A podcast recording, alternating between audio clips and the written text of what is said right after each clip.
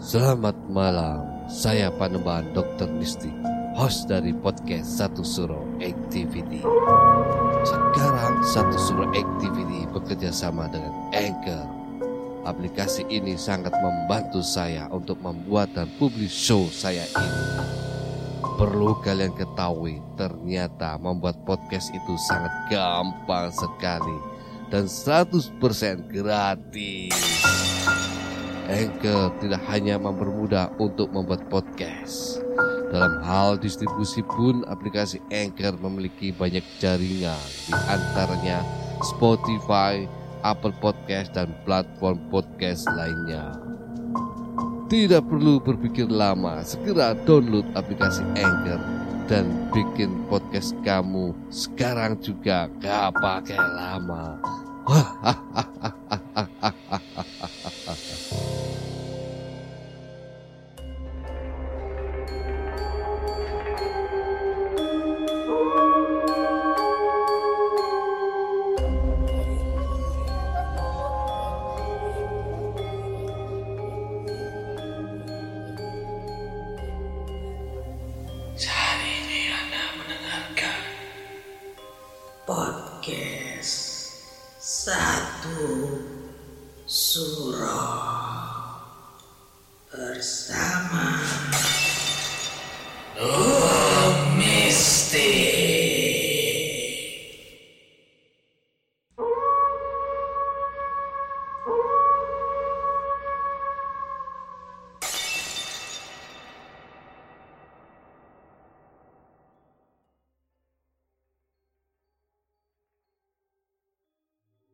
Assalamualaikum warahmatullahi wabarakatuh.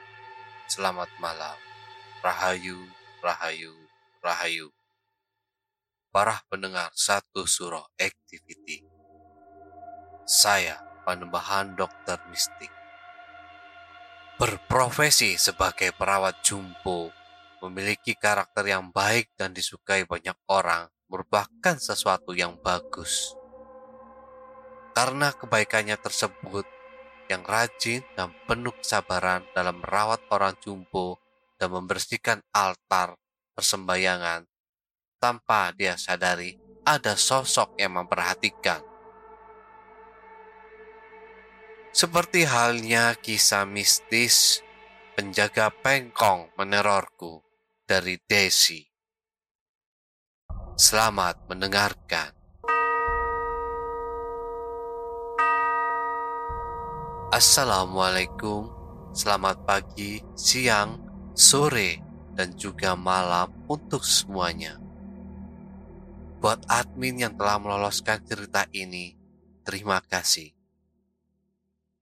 Percaya atau tidak, setiap pengkong, altar sembahyang orang Cina, memang benar memiliki penunggu.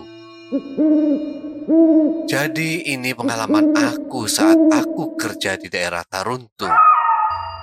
Aku bekerja di rumah orang Cina untuk jadi perawat jompo. Aku bekerja di sana sudah lumayan lama, sekitar dua tahunan. Nah, karena aku akan menikah, aku meminta izin kepada majikanku, anak dari nenek yang aku jaga ini untuk mengundurkan diri. Majikanku pun setuju. Dia meminta waktu sekitar dua minggu untuk mencari penggantiku. Nah, saat aku izin ke nenek yang aku jaga ini, beliau nggak mau aku pergi. Dia nangis, nangis karena nggak mau aku berhenti. Aku dengan sabar memberitahu padanya sudah menjadi kebiasaan setiap sore menjelang malam Jumat, teman aku Mawar. Mawar ini bertugas menjaga toko bersama anggota yang lain. Bertugas membersihkan pengkong di belakang rumah. Namun berhubung saat itu dia sedang mens, jadi dia meminta diriku untuk membersihkannya. Hal ini sudah menjadi rutinitasku semenjak bekerja di sana jika si mawar sedang haid dan itu perintah dari nenek yang kujaga. Aku pun membersihkan pengkong itu dan meletakkan beberapa sesaji seperti buah-buahan dan lain sebagainya di depannya, serta membakar kemenyan putih. Entah perasaanku saja atau bagaimana. Saat itu aku merasa udara sekitar berbeda jauh lebih berat dari biasanya. Namun, aku mencoba untuk mengabaikannya. Setelah maghrib, pemilik rumah melakukan ritual sembahyang. Berbeda dengan nenek yang kujaga ini. Dia hanya berdiam diri di kamar. Mungkin karena sudah tua. Nah, setelah mereka selesai, aku mengambil bakaran kemenyan yang masih mengeluarkan asapnya untuk mengasapi seluruh bagian rumah termasuk kamar nenek yang tak jaga ini. Jujur, aku di sini nggak tahu buat apa. Karena itu atas perintah majikanku. Setelah selesai, aku meletakkan kembali ke tempatnya. Menjelang jam 11 malam, temanku si Mawar ini berkata bahwa dia merasakan suasana yang tidak nyaman saat memasuki kamar nenek. Di sini aku tidur dengan nenek yang tak jaga, dan kamarnya bersebelahan dengan kamar teman-temanku yang bekerja di toko milik majikanku. Aku mencoba menenangkannya dan tersenyum bahwa dia hanya terlalu sensitif karena sedang haid. Padahal aku pun merasakan hal yang sama. Dan entah mengapa aku merasa enggan untuk kembali ke kamar nenek. Tapi kewajibanku sebagai penjaganya membuatku mau tak mau kembali ke kamarnya. Menjelang pukul 12, aku kembali. Dan kulihat si nenek terbangun. Aku yang sadar telah meninggalkan dirinya pun meminta maaf. Dia berkata dengan menggenggam tanganku, Asih, jangan pulang ya. Wak suka lu di sini lu tuh baik, sabar, dan bersihan. Ntar yang ganti lu nggak kayak lu, wah gimana? Dia menangis. Yang gantiin aku juga bakalan baik kok nenek. Percaya aja sama aku. Sekarang nenek bobok ya, udah malam. Nenek itu pun kembali berbaring. Dia berbaring sambil menatapku. Jujur aja saat itu aku takut banget. Karena tatapannya serem banget. Apalagi ini udah malam. Memang hal ini sering terjadi semenjak aku bekerja menjaganya. Terkadang aku terkejut dan berteriak ketika terbangun. Saat tengah malam dia terbangun dan duduk dengan rambutnya terurai. Kemudian memanggilku yang tertidur. Tak lama aku tertidur dalam mimpiku saat itu aku melihat diriku yang sedang membawa bakaran menyan dan menuju kamar nenek itu. Saat di dalam kamar, kulihat di sebelah nenek ada satu keluarga. Bapak, mama, dan satu orang anak lelaki berusia tujuh tahun berpakaian tradisional Cina. Kalau kalian pernah lihat film tentang vampir-vampir Cina, seperti itulah bajunya. Mereka memandang diriku dengan marah dan kecewa. Sementara sang anak hanya menunjukkan wajah mengejek diriku dan tidak kuhiraukan. Tak lama aku terbangun dan kulihat jam masih menunjukkan pukul 3 pagi. Beberapa hari kemudian, penggantiku datang. Aku memberitahukan apa saja yang dikerjakannya dalam merawat nenek. Seminggu kemudian aku pamit pulang. Sehari, dua hari, tidak ada masalah.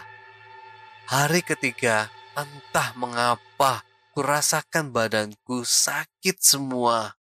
Bahkan pundak dan kepalaku terasa sangat berat.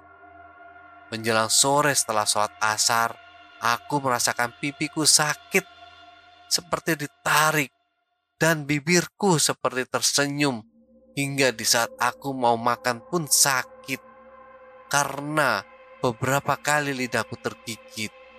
Memang aku merasakan ada hal yang tidak beres dari siang yang kurasakan. tapi aku abaikan. Semakin lama semakin menjadi. Bahkan di saat bibiku datang dan mengajakku berbicara, aku merasakan semakin sakit saat berbicara. Menjelang maghrib, tarikan di kedua pipiku semakin menjadi. Hingga akhirnya aku menangis dan mengadu ke nenekku. Di sini aku tinggal sama nenek untuk sementara sebelum aku menikah. Nenek yang melihat keadaanku pun sedikit panik.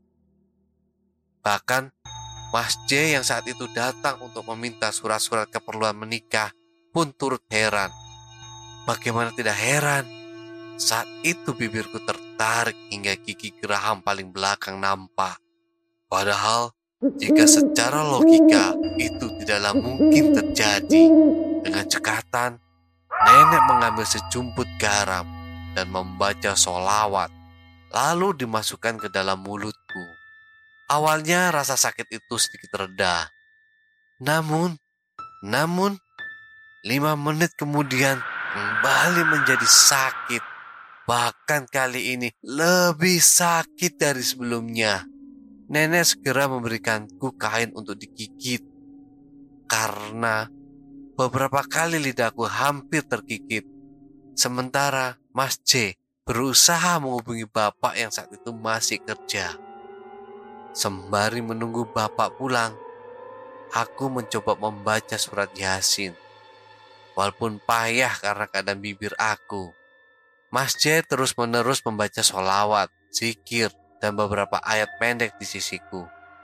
Lumayanlah untuk meringankan rasa sakitku untuk sementara. Setelah maghrib bapakku pulang dengan membawa air bening berisi mawar putih. Beliau segera meminumkan air itu dan mengusapkan air itu ke wajahku tiga kali sembari membaca solawat.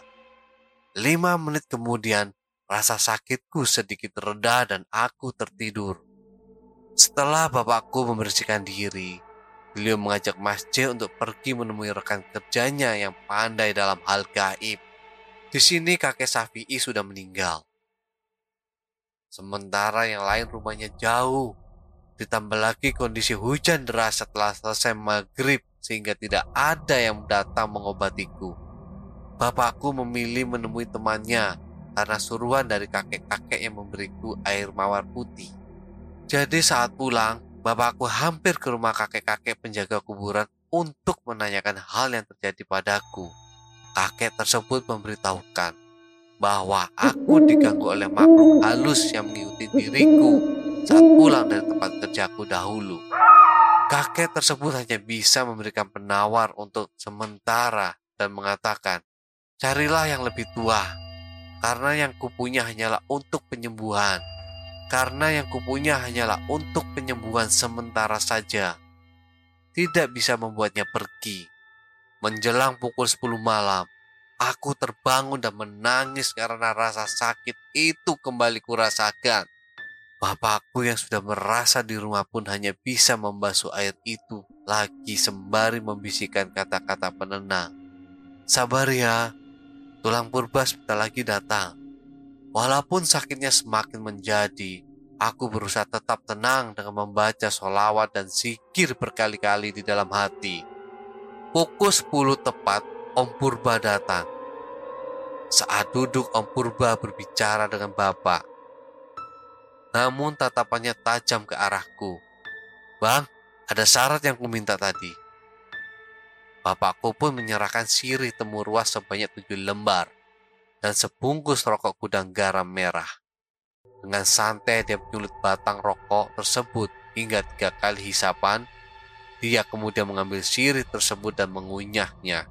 Dek, apa kau beberapa hari yang lalu bermimpi ketemu ama satu keluarga? Aku yang ditanya hanya menganggukkan kepalaku. Tak lama dia terdiam dengan mata terpejam. Dia bertanya kepada nenekku, Nek, nenek punya abu dapur. Kalau punya, tolong nek ambilkan di dalam wadah piring. Kemudian letakkan di samping adik itu. Setelah itu, Om Purba pun mendatangiku. Pejamkan matamu dan baca solawat di dalam hati. Tak lama dia mengambil abu itu dan mengusapnya di wajah. Telapak tangan serta kaki sebanyak tiga kali. Setelahnya dia meminta bapakku untuk membuang abu tersebut ke depan halaman rumah dengan tangan kiri dengan membelakanginya. Lalu dia memintaku esok hari mandi dengan air bunga. Namun air dari mandiku itu harus ditampung di dalam ember dan membuangnya ke jalan depan rumah. Setelah itu aku pun sembuh. Hal yang baru aku ketahui setelah beberapa hari aku menikah adalah Bapak berkata padaku bahwa yang mengikuti diriku adalah penunggu pekong majikanku. Mereka mengikutiku karena menyukaiku dan berharap agar aku mau kembali ke sana. Saat Om Purba meminta mereka pulang, mereka mengajukan beberapa syarat. Namun, lagi-lagi Om Purba berkata bahwa syaratnya terlalu sulit, apalagi anak ini aku gak bersalah sama sekali dan bukan keluarga yang berada. Sehingga mereka hanya meminta abu dapur bekas masakan. Di situ aku dengarnya mau ketawa. Kok bisa ya syaratnya berubah? Para sahabat satu suro activity, itulah tadi sebuah kisah pengkong, altar sembayang orang Cina yang dialami oleh Daisy. Dan ternyata tanpa disadari, si Daisy disukai oleh jin penunggu pengkong tersebut yang mengakibatkan sakit terhadap Daisy. Hikmah yang dapat kita ambil apa pun profesi, meskipun berbeda ras dan agama, tetaplah menjadi orang yang baik dan bermanfaat. Meskipun kebaikan kita disukai oleh jin, kita sebagai manusia tetap memohon perlindungan dan keselamatan kepada Allah Subhanahu wa taala. Para sahabat satu suruh activity, Tinggalkan catatan komentar kalian di kolom komentar. Like, subscribe, dan bunyikan lonceng keramatnya. Para sahabat satu surah activity, tetaplah iling lan waspodo. Assalamualaikum warahmatullahi wabarakatuh. Salam, salam, salam. Rahayu, rahayu, rahayu.